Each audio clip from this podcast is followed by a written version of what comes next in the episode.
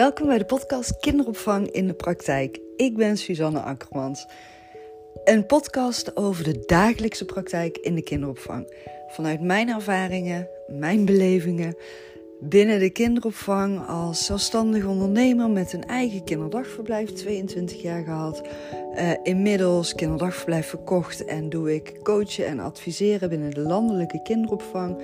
Ik geef ook de training uh, Ruimte voor Baby's, volgens IKK gecertificeerd. En nou ja, vanuit al die verschillende ervaringen, ook als pedagogisch medewerker werkzaam geweest, leidinggevende.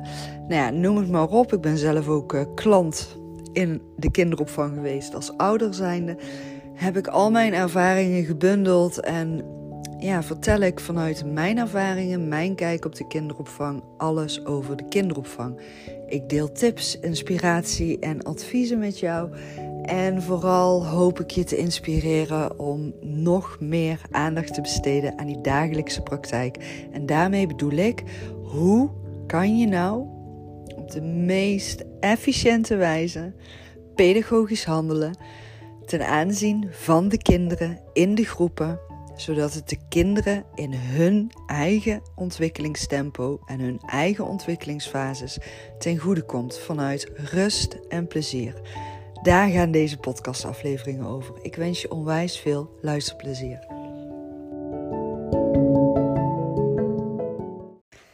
Ja, leuk dat je weer luistert. Oh, ik ben echt zo lekker op dreef weer. Dus ik uh, ben lekker in de flow uh, allerlei podcastafleveringen aan het opnemen. En lekker aan het klaarzetten voor de aankomende week. Uh, zodat jij dus weer een aantal dagen wat nieuwe afleveringen kan beluisteren. Nou ja, ik heb de afgelopen tijden natuurlijk al regelmatig gezegd van nou, voorlopig even geen podcastafleveringen.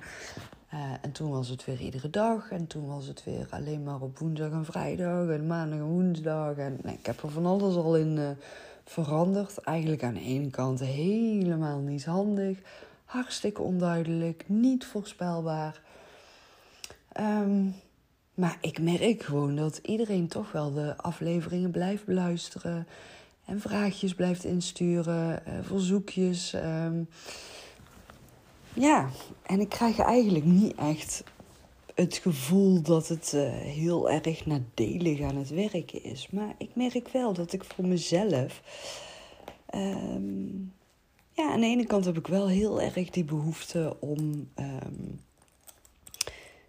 ja, wat meer structuur daarin aan te brengen. En ik merk ook altijd wel heel erg sterk bij mezelf dat hoe meer structuur ik voor mezelf aan weet te brengen, hoe meer ik. Um, kan doen, hoe meer tijd ik overhoud en hoe makkelijker dingen ook gaan. Maar ik ben eigenlijk ook echt iemand die helemaal niet wil vastzitten in dingen die ik moet doen. En um, ik hou ook wel echt van die, die ja, hoe noem je dat? Vrijheid hebben en uh, kunnen doen wanneer ik zin heb om iets te doen vanuit inspiratie. Maar ik heb inmiddels in de loop van alle jaren ook wel echt ontdekt dat die structuur, die helpt mij echt. Helpt mij echt vooruit. Als ik geen structuur heb, dan kan ik dus ook echt niks gaan doen. En dat klinkt misschien heel raar bij mij. Zeker als je mij volgt op Insta en al langere tijd volgt. Dan zie je mij ook altijd wel als een of andere energieke stuiterbal voorbij denderen. En uh, altijd duizend en één ideeën en inspiratie. En van alles aan het delen en aan het vertellen. En oh, ik zie daar iets. En ik heb meteen weer een linkje gelegd. En ik ga weer een, een post schrijven of een story opnemen. En dus het klinkt misschien heel tegenstrijdig. En misschien is ook wel zoals ik aankijk tegen het niks doen heel anders dan dat jij niks doen ervaart. Want bij mij is niks doen ook echt bijvoorbeeld heel de dag zitten schrijven. Of een moodboard maken. Ehm, dingetjes uitwerken. Uh, gaan lezen. En dan niet gewoon een boek lezen, weet je gewoon een mooi verhaal. Nee, dan ga ik echt uh, zitten lezen, vakliteratuur. Ga ik mijn brein voeden, zoals ik altijd noem. En dan heb ik echt het gevoel dat ik niks aan het doen ben. Als ik mijn huis ga schoonmaken en boodschappen aan het doen ben. En weet je wel, de was en strijken en dat soort dingen. Dan ja, heb ik ook eigenlijk soort van het gevoel dat ik niet zoveel heb gedaan op een dag. maar ja, als je mij dus langer volgt, dan weet je ook dat ik uh, een eigen kinderdagverblijf heb gehad. En dus ook met een team werkzaam ben geweest. En ja, dat is gewoon 23 jaar mijn leven geweest. Mijn leven is 23 jaar zo.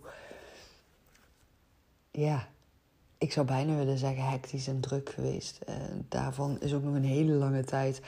Uh, tien jaar heb ik uh, dus alleen de zorg gehad voor mijn zieke vader. was enorm intensief. Um, nou ja, mijn kinderen in die, in die jaren ook nog kleiner. En ik merkte gewoon toen mijn vader kwam te overlijden, gingen mijn jongste ook uh, naar de basisschool. Mijn jongste twee zoons, dat is een tweeling. Uh, die gingen toen naar de middelbare school. Zo, sorry, ik zeg het fout. En de oudste, mijn dochter, die zat al op de middelbare school. Mijn vader was overleden. Uh, in het kinderdagverblijf was ik inmiddels door alle veranderingen en crisisjaren teruggegaan van 13 teamleden naar 5 teamleden. Toen had ik echt het gevoel dat ik tijd overhield. Dat ik gewoon echt in, in een of ander groot gat viel. En uh, wat moest ik toch gaan doen met al mijn tijd? Nou ja, nou, uiteindelijk ben ik uh, gaan uitbreiden. ik zoek dan dus ook wel weer uh, die drukte op. En gaan uitbreiden, verbouwen, nieuwe locatie gevonden. En ja, iets onwijs moois neergezet. En uiteindelijk verkocht. En toen kwam ik dus in een compleet nieuw leven voor mezelf terecht. Toen dacht ik echt, oké, maar wie ben ik zonder dit kinderdagverblijf? Wie ben ik nou eigenlijk zonder mijn eigen kinderdagverblijf? Zonder de zorgen voor mijn vader, zonder ja, echt die zorgen voor mijn kinderen. Want mijn kinderen waren ook ineens, zo voelde het, hè, volwassen geworden. En dat is echt niet ineens gebeurd allemaal, maar ja, ineens voelde het zo. Van wat ga ik nu doen? En toen dacht ik dus, ik neem een sabbatical, ga even een jaartje niks doen. Ah ja, dan begin ik dus meteen met inspiratie uit te werken. En er kwam weer van alles op mijn pad. En zoveel leuke opdrachten mogen krijgen. Bij het Waarborgfonds kinderopvang mogen gaan werken. En daar echt een um, ja, soort helpdesk uh, mocht ik uh, bemannen voor kinderopvangondernemers. Nou, vond ik onwijs leuk om te doen. En van daaruit kwam de ene naar de andere opdracht. Ben ik online gaan ondernemen. En het voelde allemaal alsof ik niks aan het doen was. Maar dat was natuurlijk niet zo. En dat is nog steeds niet zo. Maar ik merk echt aan mezelf hoe meer structuur ik aanbreng voor mezelf in mijn dagen, hoe meer ik over heb, hoe meer beschikbaar ik aanwezig kan zijn en hoe meer tijd en ruimte er voor mij als persoon ontstaat. En de inzichten vond ik best wel verrassend eigenlijk. En daar gaat deze podcastaflevering vandaag ook over: structureren en grenzen stellen in de kinderopvang. Want bij het structureren en grenzen stellen ben je echt heel erg duidelijk bezig met kaders neerzetten voor de kinderen. Maar je kan het ook toepassen in het leidinggeven richting de teamleden. Je kan het ook toepassen op je eigen leven. En nou weet ik dat er bij sommige mensen beperkende overtuigingen zitten op het woordje structuur. De een kan er echt een allergische reactie op krijgen en meteen denken van ja, nee, maar dat doen wij hier niet. Wij doen het gewoon zoals we het altijd al gedaan hebben, want um, ja, structuur, dan is er geen ruimte voor eigen inbreng en dan kunnen we niet kijken naar de behoeften van een kind. Ik ben het daar niet mee eens. Uiteraard. Want ja, ik zie de mogelijkheden. Ik weet wat de mogelijkheden zijn door structuur aan te brengen. Ik heb ervaren wat het doet met jezelf, maar ook met de kinderen in de groep en met de teamleden wanneer je structuur gaat aanbrengen. Alleen, het is niet altijd even makkelijk. En wanneer je structuur wil gaan aanbrengen, bijvoorbeeld in het pedagogisch handelen van de pedagogisch medewerkers, dan ga je gegarandeerd hoe dan ook tegen weerstand aanlopen. En die weerstand die zit vaak niet eens in het woordje structuur. Die weerstand zit vaak in het niet begrijpen wat de meerwaarde is van het aanbrengen van structuur. Daarom is het altijd heel erg belangrijk als je een structuur wil gaan aanbrengen, een nieuwe werkwijze wil gaan introduceren in een organisatie, in een team, in een groep, want dat kan ook. Soms is het gewoon groepsgericht. Um, is het heel erg belangrijk dat je gaat luisteren naar waar is behoefte aan vanuit de teamleden. En als jij dan de oplossing ziet, dat je ook de teamleden mee kan nemen bij de hand. Door ze echt even bij de hand te nemen en gaan uitleggen wat de resultaten gaan zijn als je die structuur gaat toepassen. En wanneer je structuur gaat toepassen, is het ook belangrijk dat je gaat leren om grenzen te stellen.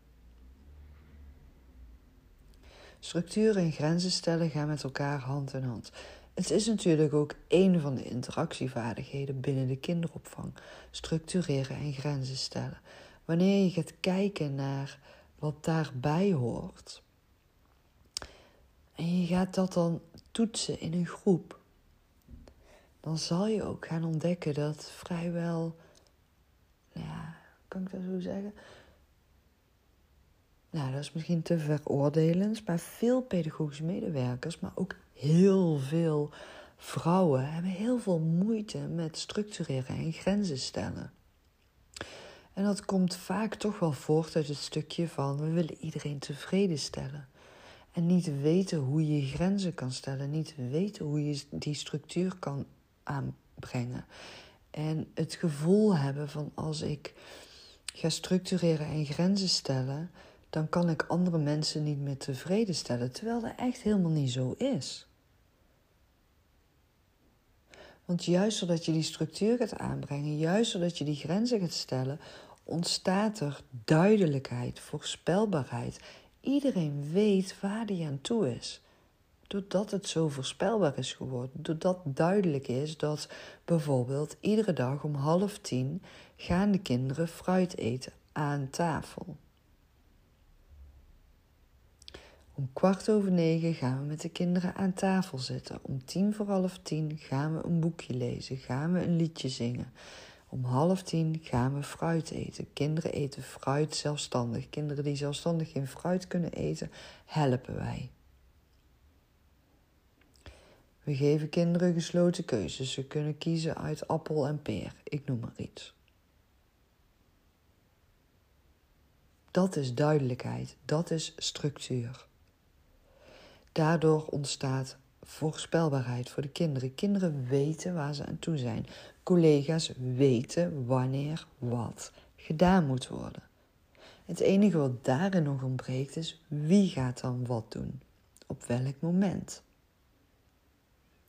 Grenzen stellen is dan in die context van dat fruitmoment. Je moet aan tafel gaan zitten op je billen zitten.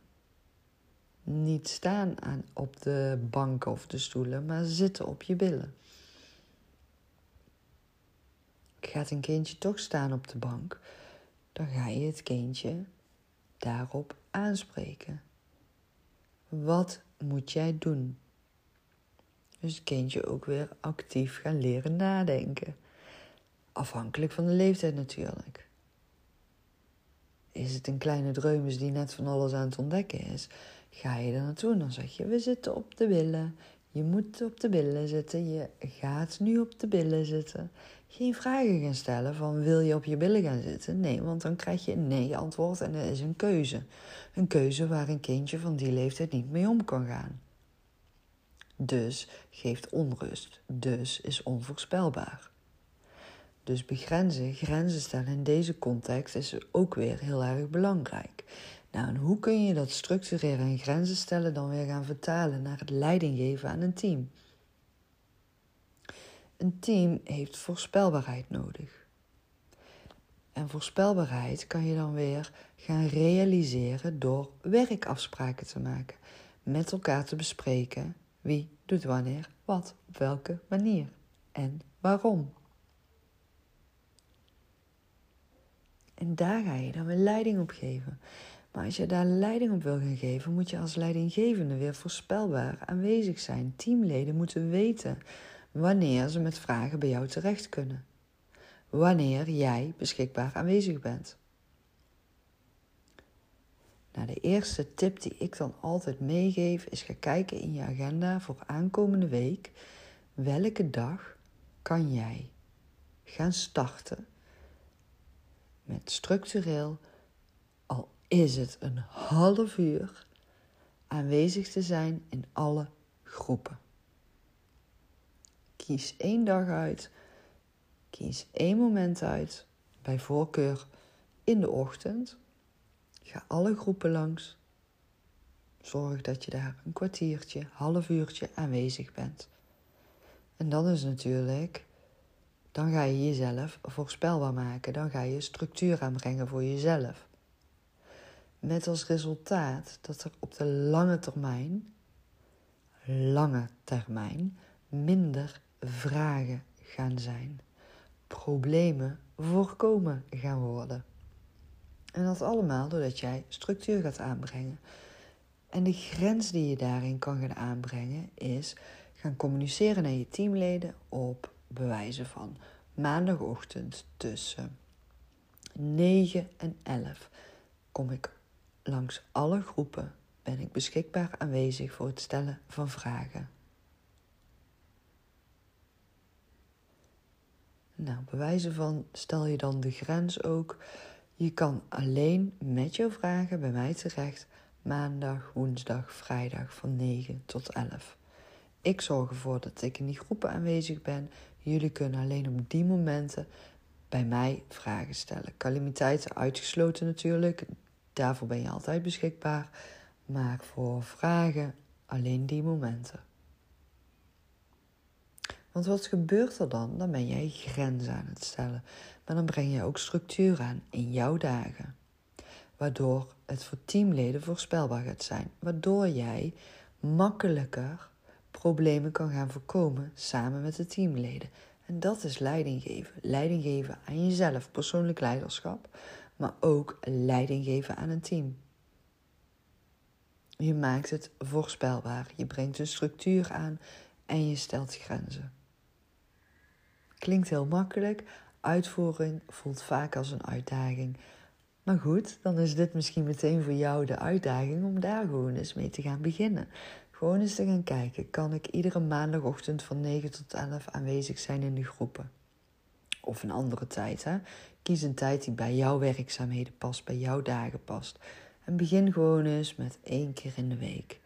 En ga dat gewoon eens vier weken aan één gesloten toepassen. En ga dan eens reflecteren, terugkijken.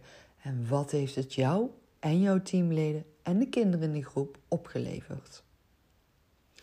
Want wat het mooie is, als jij dat als leidinggevende aan het doen bent, jouw teamleden gaan zien wat je aan het doen bent. En automatisch gaan zij dat ook kunnen gaan toepassen naar de kinderen in de groep, in hun werkzaamheden, in hun samenwerking. Want jij bent het voorbeeld. Jij laat zien hoe jij structureert en grenzen stelt. Ik ben heel benieuwd wat je uit deze aflevering voor jezelf kan meenemen, gaat meenemen en wat je nou morgen als eerste gaat doen. Ga je het met me delen? Zou ik echt heel erg waarderen. Kan via Insta, Suzanne laagstreepje Akkermans en Suzanne is S-U-S. Kan via de mail, suzanne gewoon suzanne.com of via mijn Insta-pagina voor de kinderopvang, kinderopvang in de praktijk. Vind ik heel leuk als je het met mij zou willen delen. Dankjewel voor het luisteren. Oh, en je mag natuurlijk ook altijd een screenshot maken als je hebt geluisterd. En het delen in je stories op Insta of in je posts op Insta of op Facebook. Ik vind het leuk als je mij daarbij dan ook tagt, zodat ik ook weet wie jij bent en wie er naar mijn afleveringen luistert. Tot de volgende keer.